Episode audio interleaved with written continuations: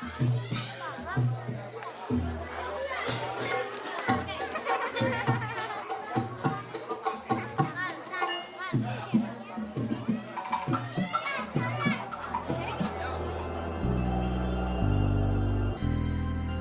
ada makan yang lebih nikmat dibanding makannya orang berbuka puasa.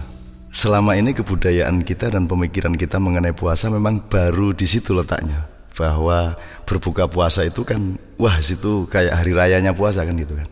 Sebenarnya kalau kita mau agak lebih ngeyel sedikit dan ingin meningkatkan ilmu, kita bisa melihat berbuka puasa itu sebagai sebuah pengabdian dan toleransi.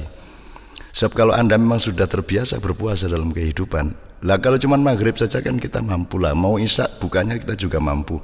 Saya waktu kecil saya berbuka jam 10 malam. Tetapi saya mau takjil waktu dung maghrib untuk membatalkan puasa saya karena saya mencintai Allah, karena saya mencintai ibu saya. Jadi sebenarnya kalau kita mau mencari nilai-nilai yang di lain segi dari tradisi kita sehari-hari, sesungguhnya hidup kita akan memiliki dialektika untuk semakin matang. Kita lomba maraton.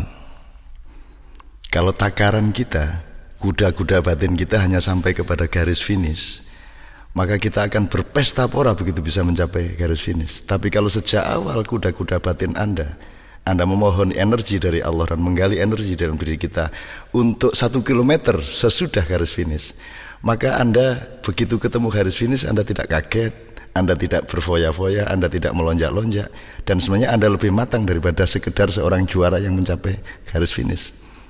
Itulah orang yang puasanya melampaui buka. Meskipun ketika maghrib tiba, dia tetap mencintai Allah, menghormati Allah, menghormati ibunya yang memasak dengan memakan takjil.